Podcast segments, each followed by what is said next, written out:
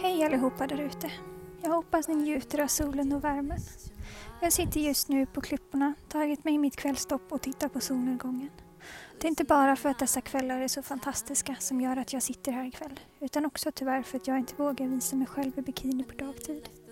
I snart tio år har min ätstörning fått mig att må så dåligt under dessa fina sommardagar att jag ofta undviker timmarna nere vid havet.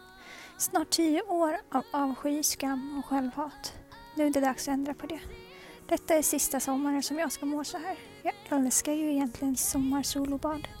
Linnea heter jag, fyller 24 år om tre veckor. Och detta är min historia om kampen mot ett friskt liv utan ätstörningar.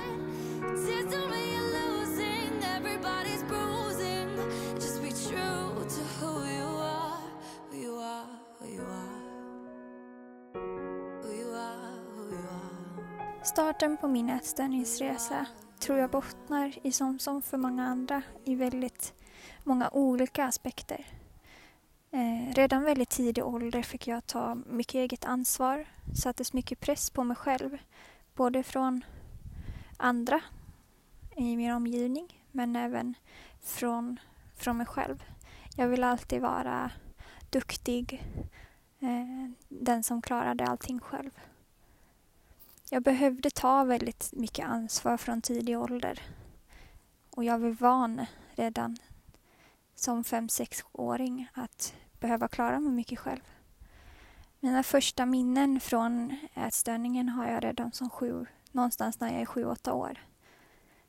Jag kommer ihåg eh, små svaga minnen av att jag tyckte väldigt illa om mig själv och min kropp. Och att jag ofta klagade på att, hur jag såg ut. Jag var väldigt lång och väldigt både mogen och utvecklad tidigt. Jag var först i klassen av att få min mens. Jag var alltid ett huvud längre än alla andra och jag kände mig allmänt mycket större. Jag började klaga på min kropp som sagt någonstans när jag var sju, åtta år. Detta har jag fått höra i efterhand.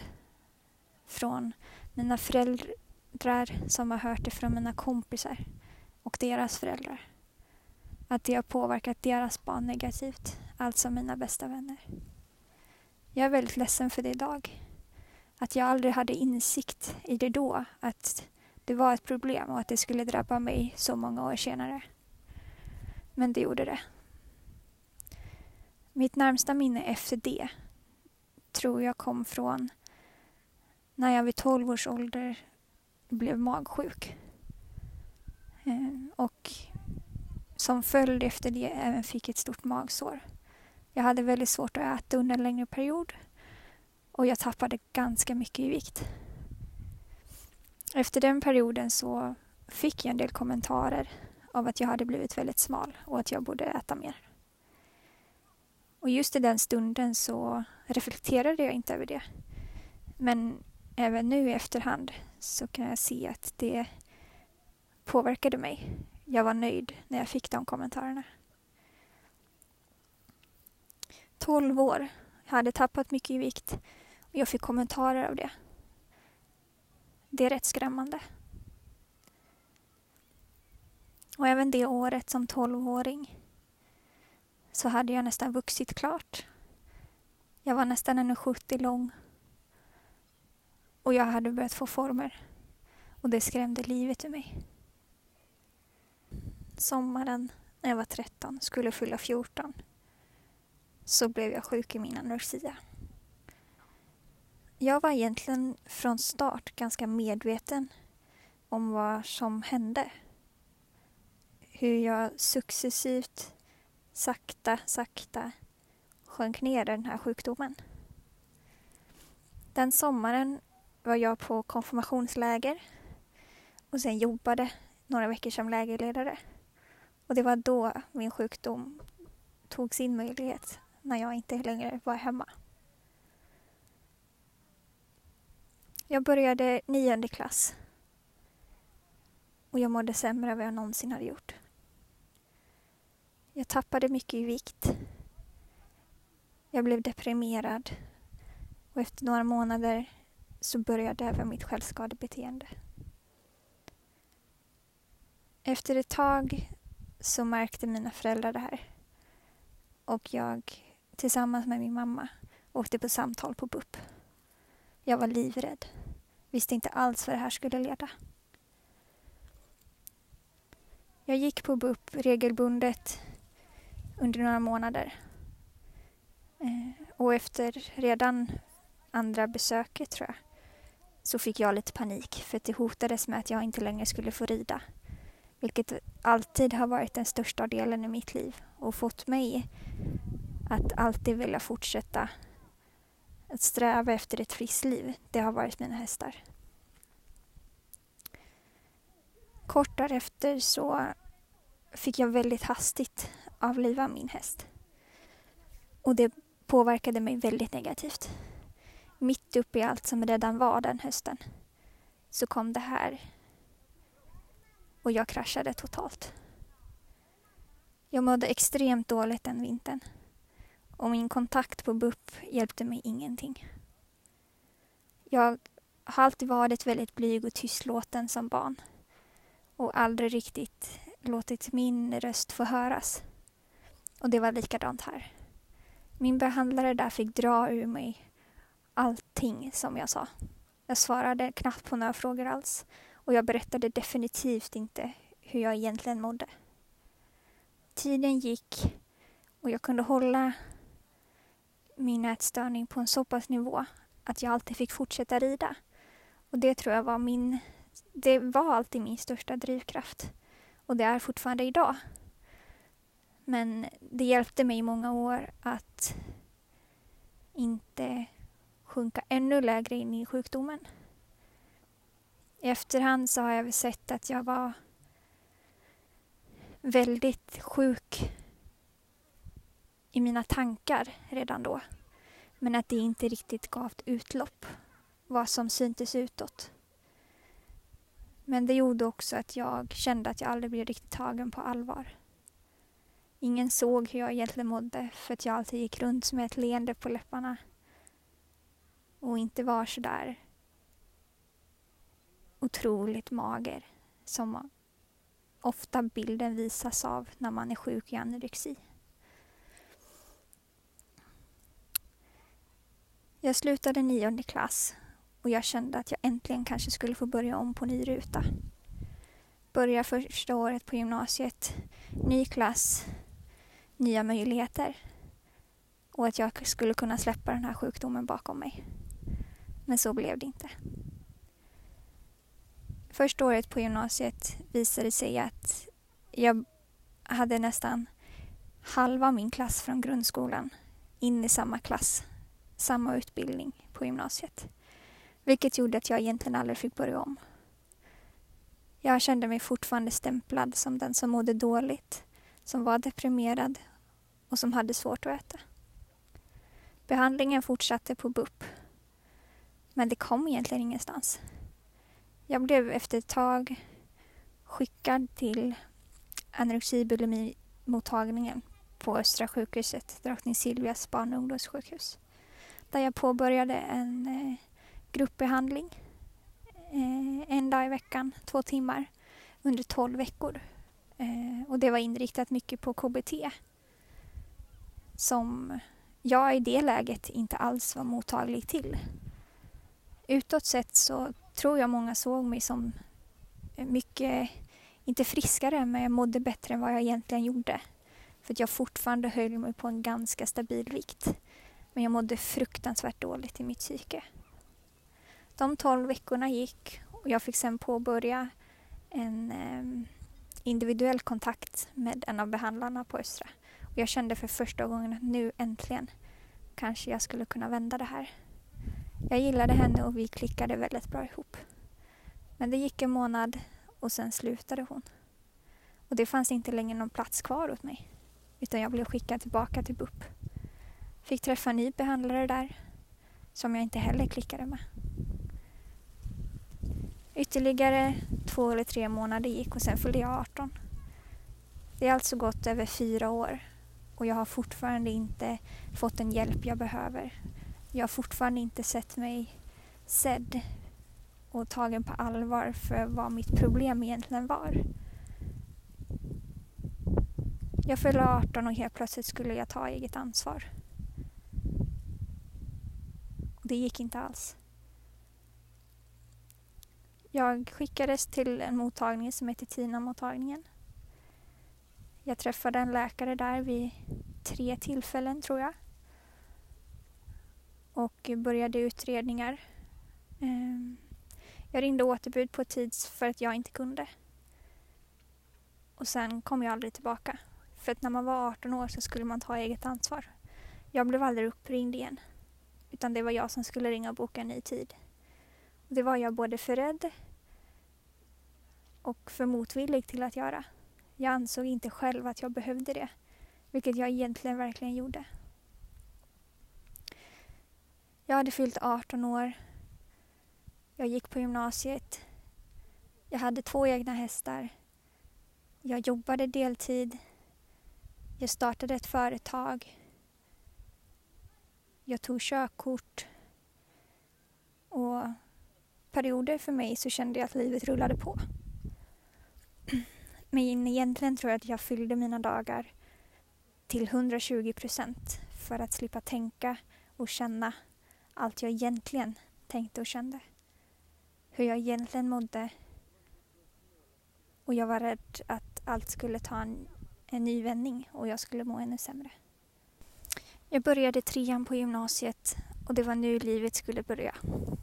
Vi skulle festa, vi skulle fira och snart var det dags för studenten.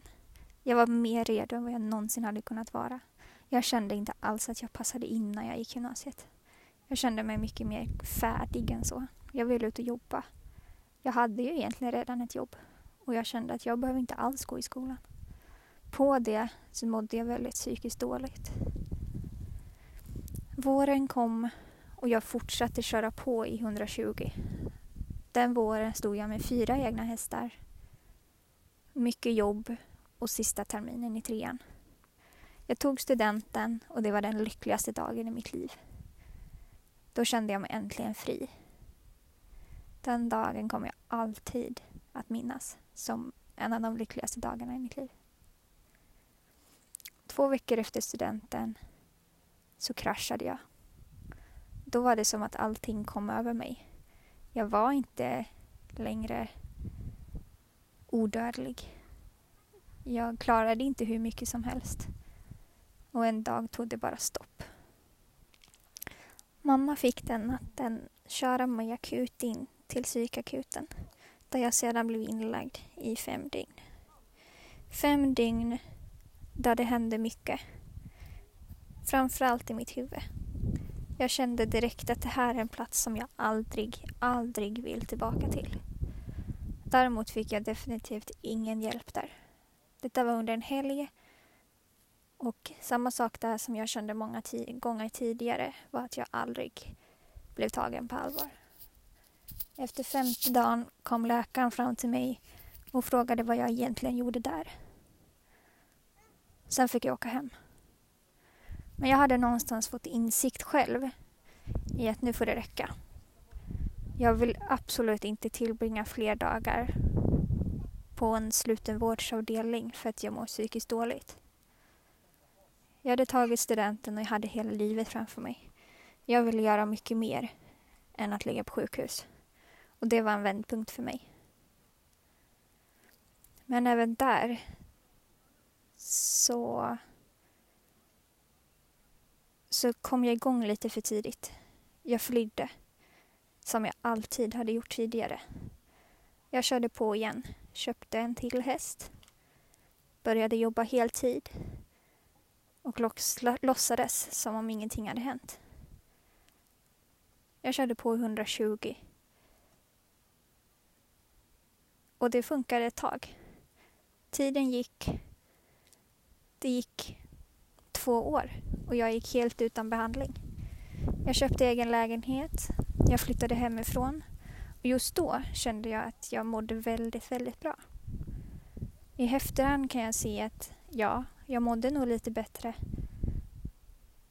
Men i grund och botten så var jag fortfarande väldigt sjuk.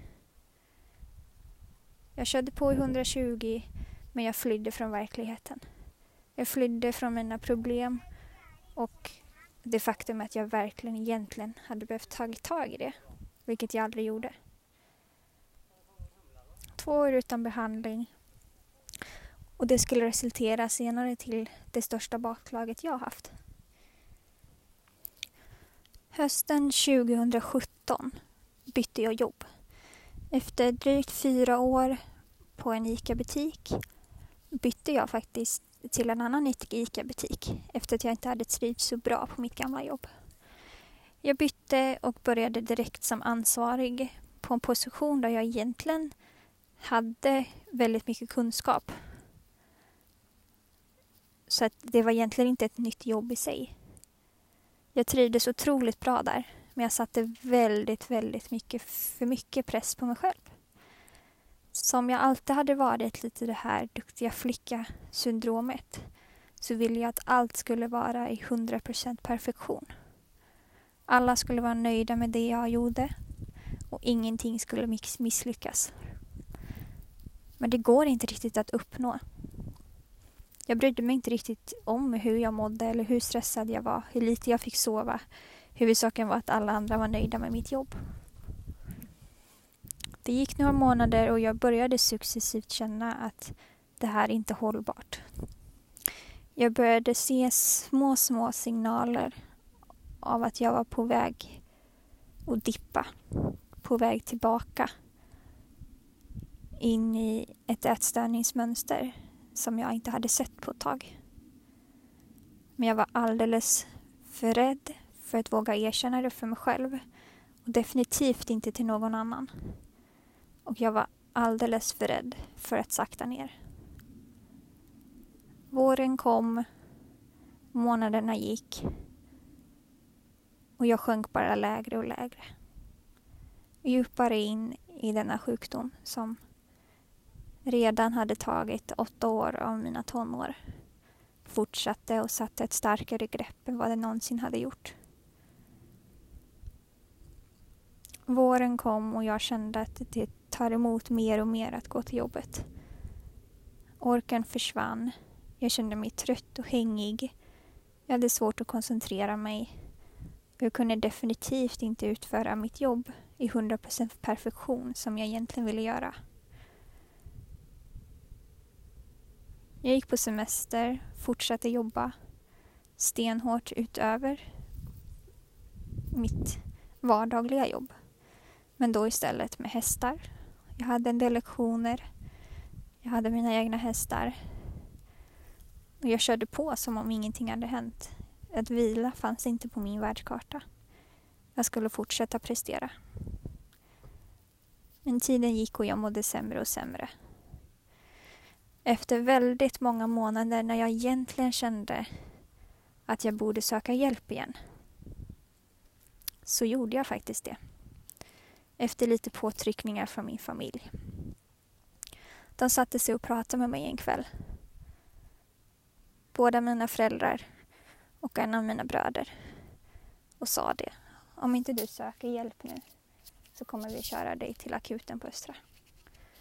För att ditt tillstånd är inte bra.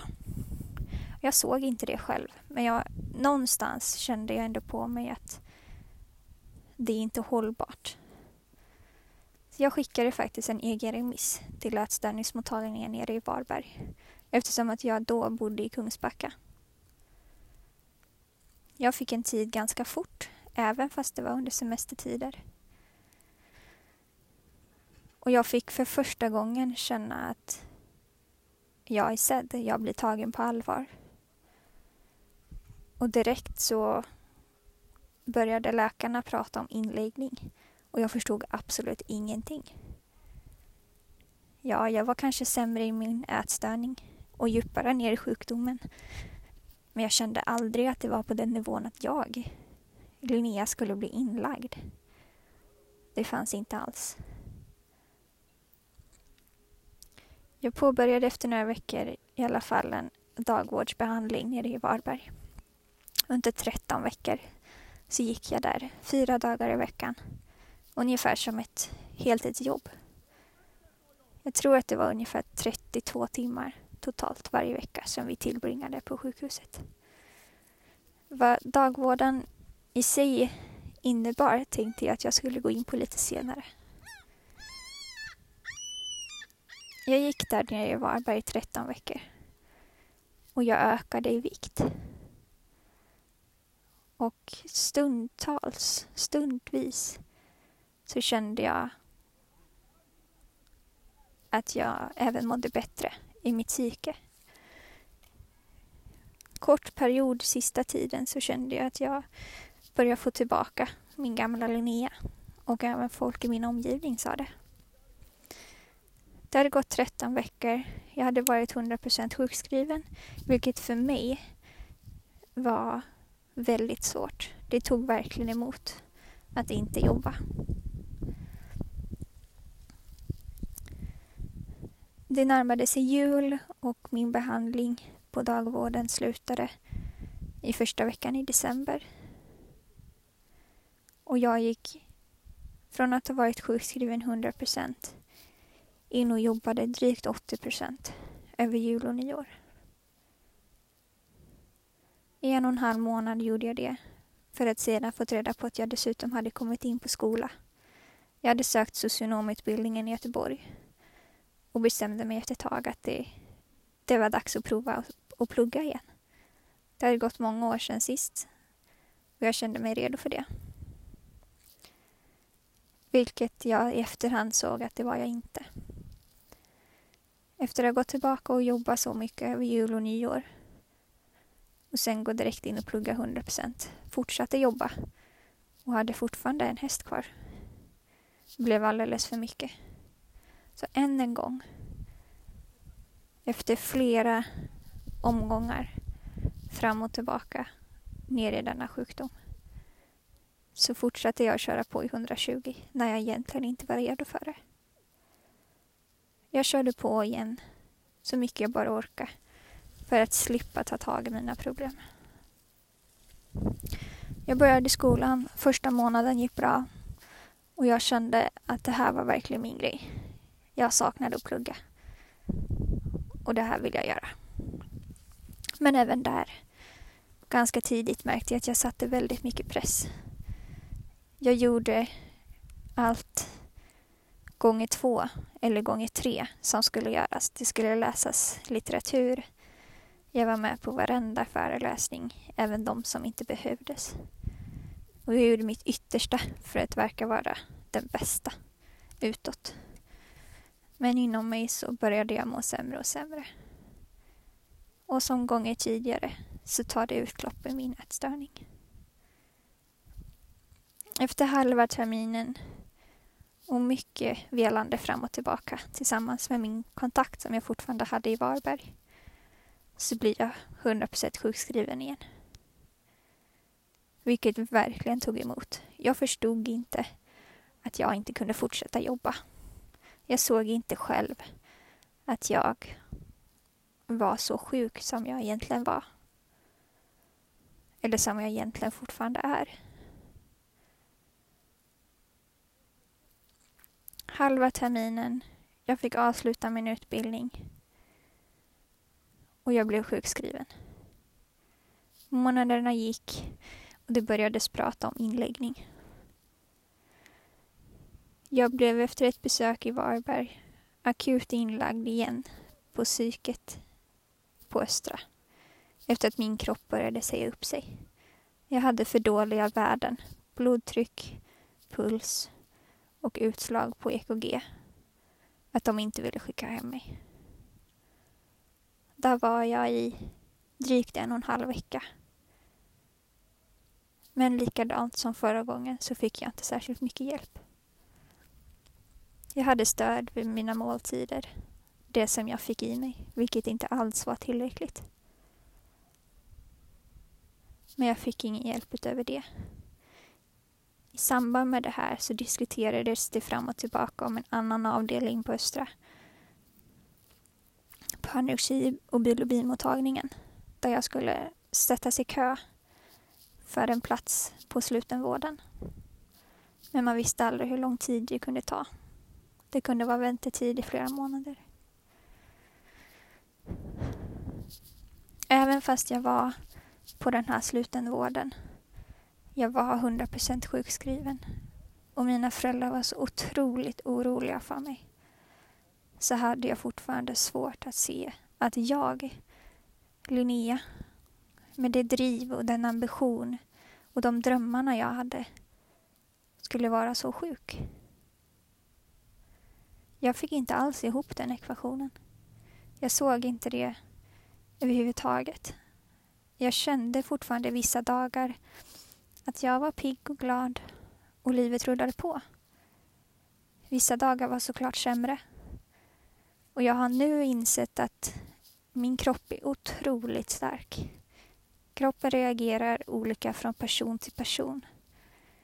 Och om det hade varit en annan människa med en annan kropp i det stadiet jag låg så hade den kroppen kanske kunnat lägga av redan för länge sedan.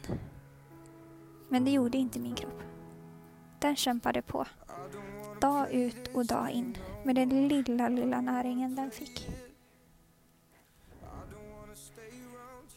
Efter några veckor så fick jag besked om att det fanns en plats på Östra Tunni. Jag skulle in på slutenvården och jag var helt totalt livrädd. Och kände att det här är ingenting för mig. Jag passar inte in här. Men det gick några dagar och sen var det dags. Det var min tur att inta en plats på slutenvårdsavdelningen. Det var min tur att försöka påbörja den riktiga kampen mot att bekämpa min ätstörning.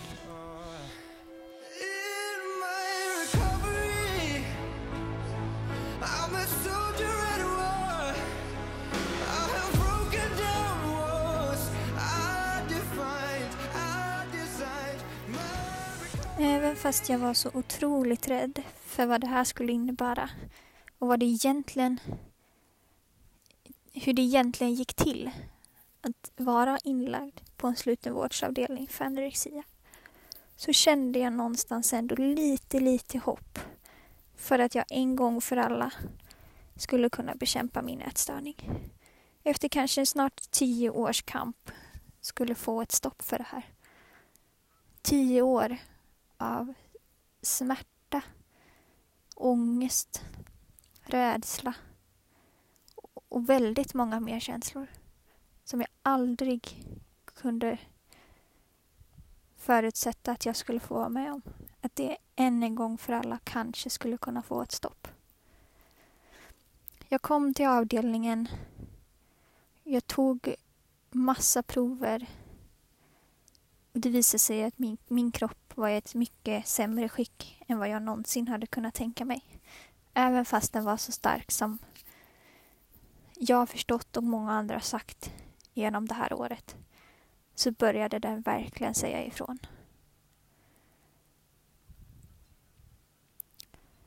Två första veckorna togs det om prover, EKG-tester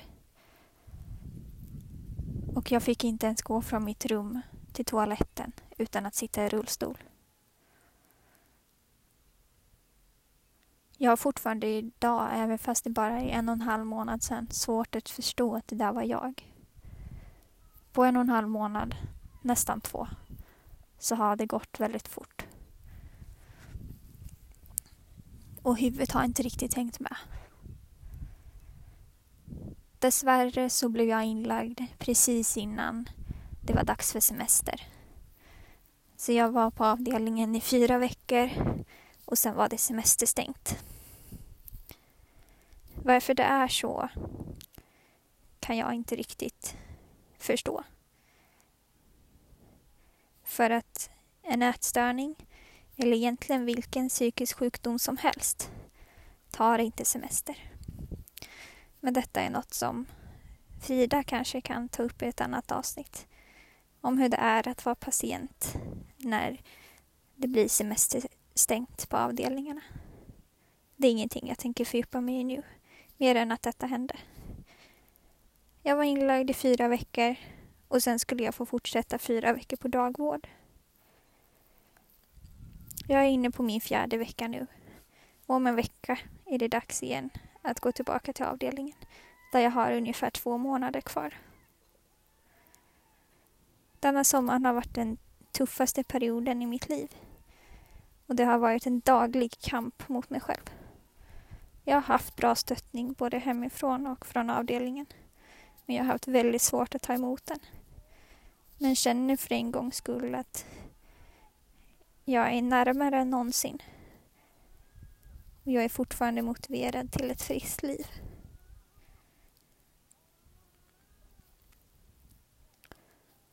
Jag läste en gång ett inlägg på Instagram som en tjej hade skrivit. Där hon beskriver väldigt bra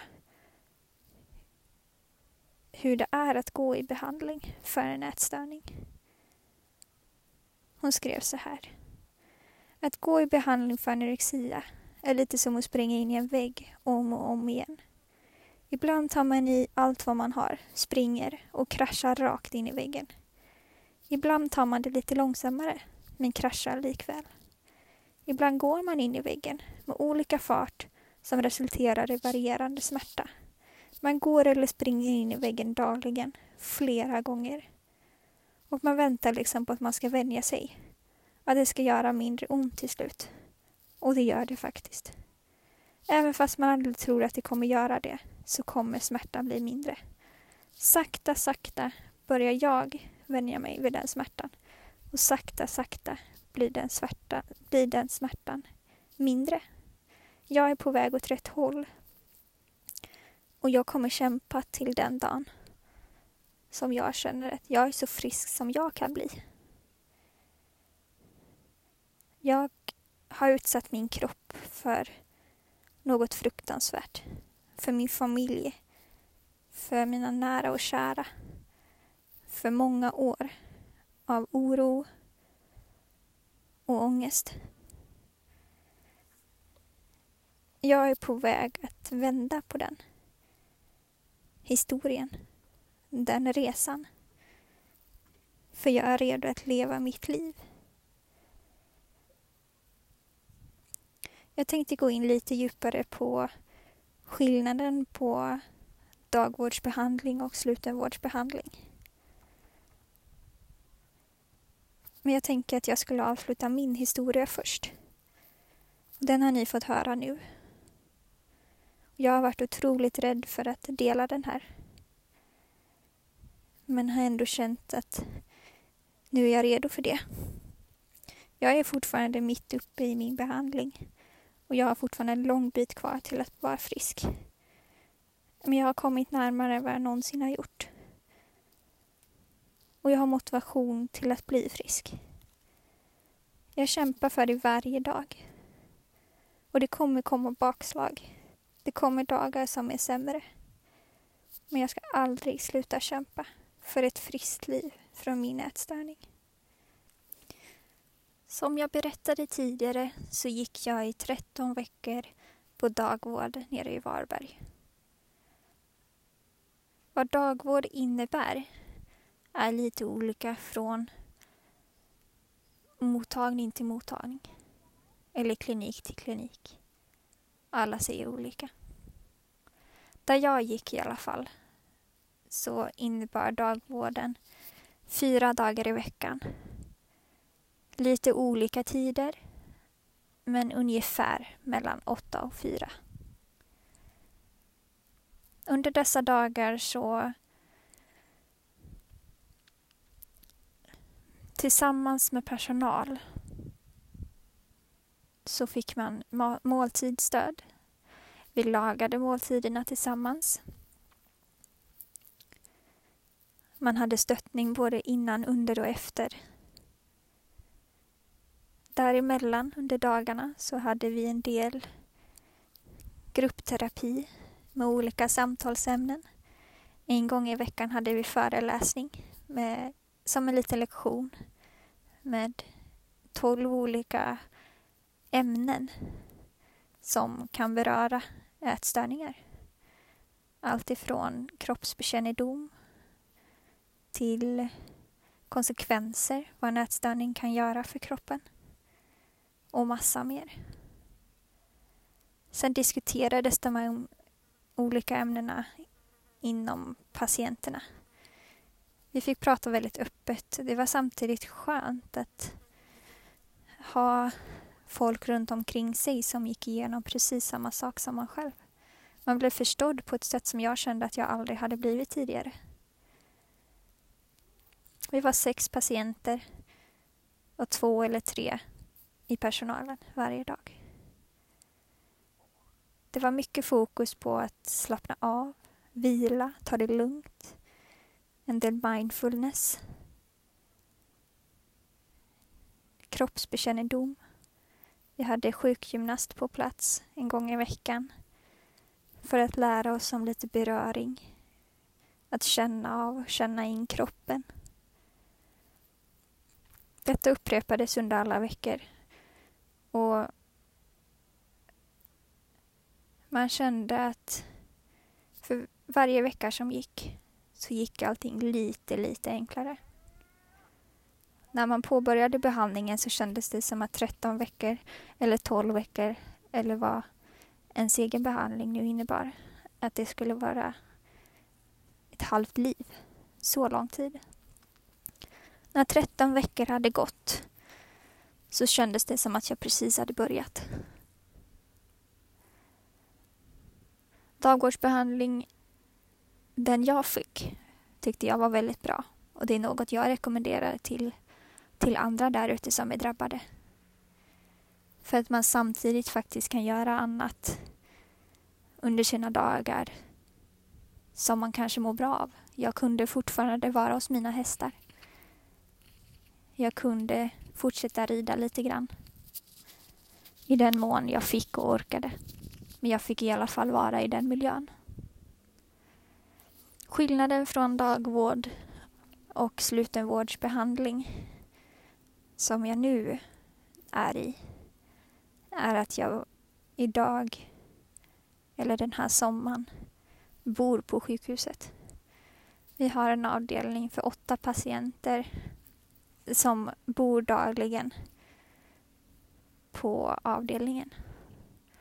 Och det är mycket mer intensiv vård.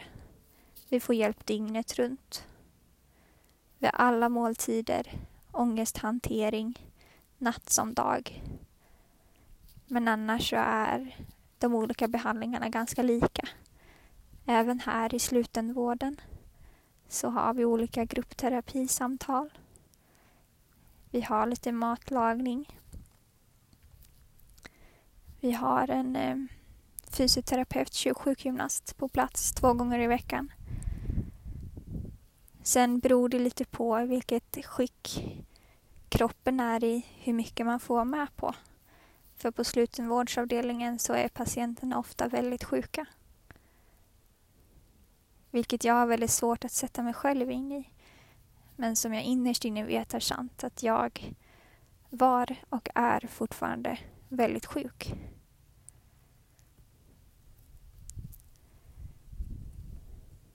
Det är väldigt speciellt att vara inlagd på en slutenvårdsavdelning och det är en väldigt, väldigt speciell värld. Men i vissa fall så är det tyvärr nödvändigt. Och det var det i mitt fall. Olika behandlingstiderna, perioderna, beror väldigt mycket beroende på vilken avdelning det är, vart i landet man befinner sig. Men också individuellt från patient till patient.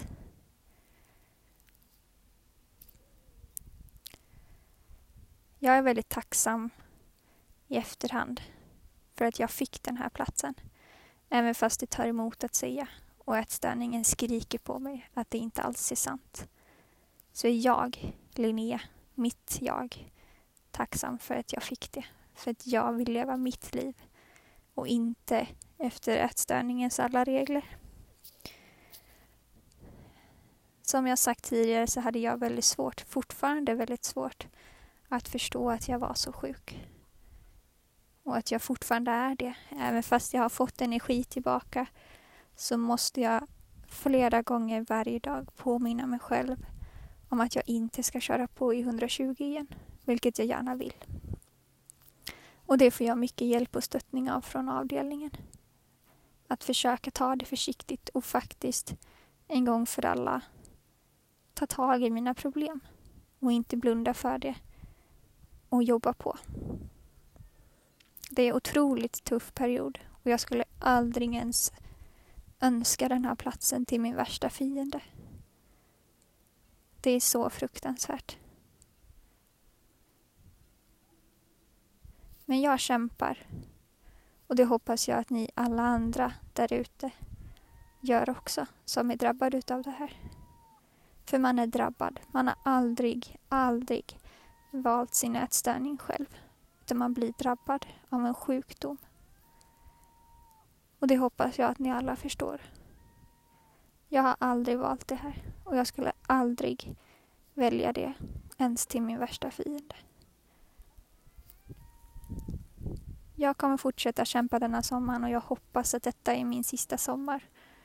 Då jag är så fast och låst vid min ätstörning och mitt kroppmissnöje och mitt självhat. För jag vill leva livet, för jag vet att det är värt att leva. Och jag vill göra det till fullo. Jag vill åstadkomma så mycket mer. Och jag vill ut och resa och göra så mycket annat än att tillbringa mina dagar på sjukhus. Jag hejar på alla er där ute och hoppas att ni som är drabbade får hjälp och att ni kommer ta er igenom det här. Det vet jag att ni kommer, för ni är starka. Precis som jag är. Jag kommer ta mig igenom det här. Men det kommer komma bakslag. Det kommer komma sämre dagar. Men vi får aldrig ge upp. Tack så mycket för att ni har lyssnat på det här. Och ta hand om er. Så kommer livet att vara så mycket bättre. Kram. This is my fight song. Take back my life song. Prove I'm alright song. my power's turned on. Starting right now, I'll be strong. I'll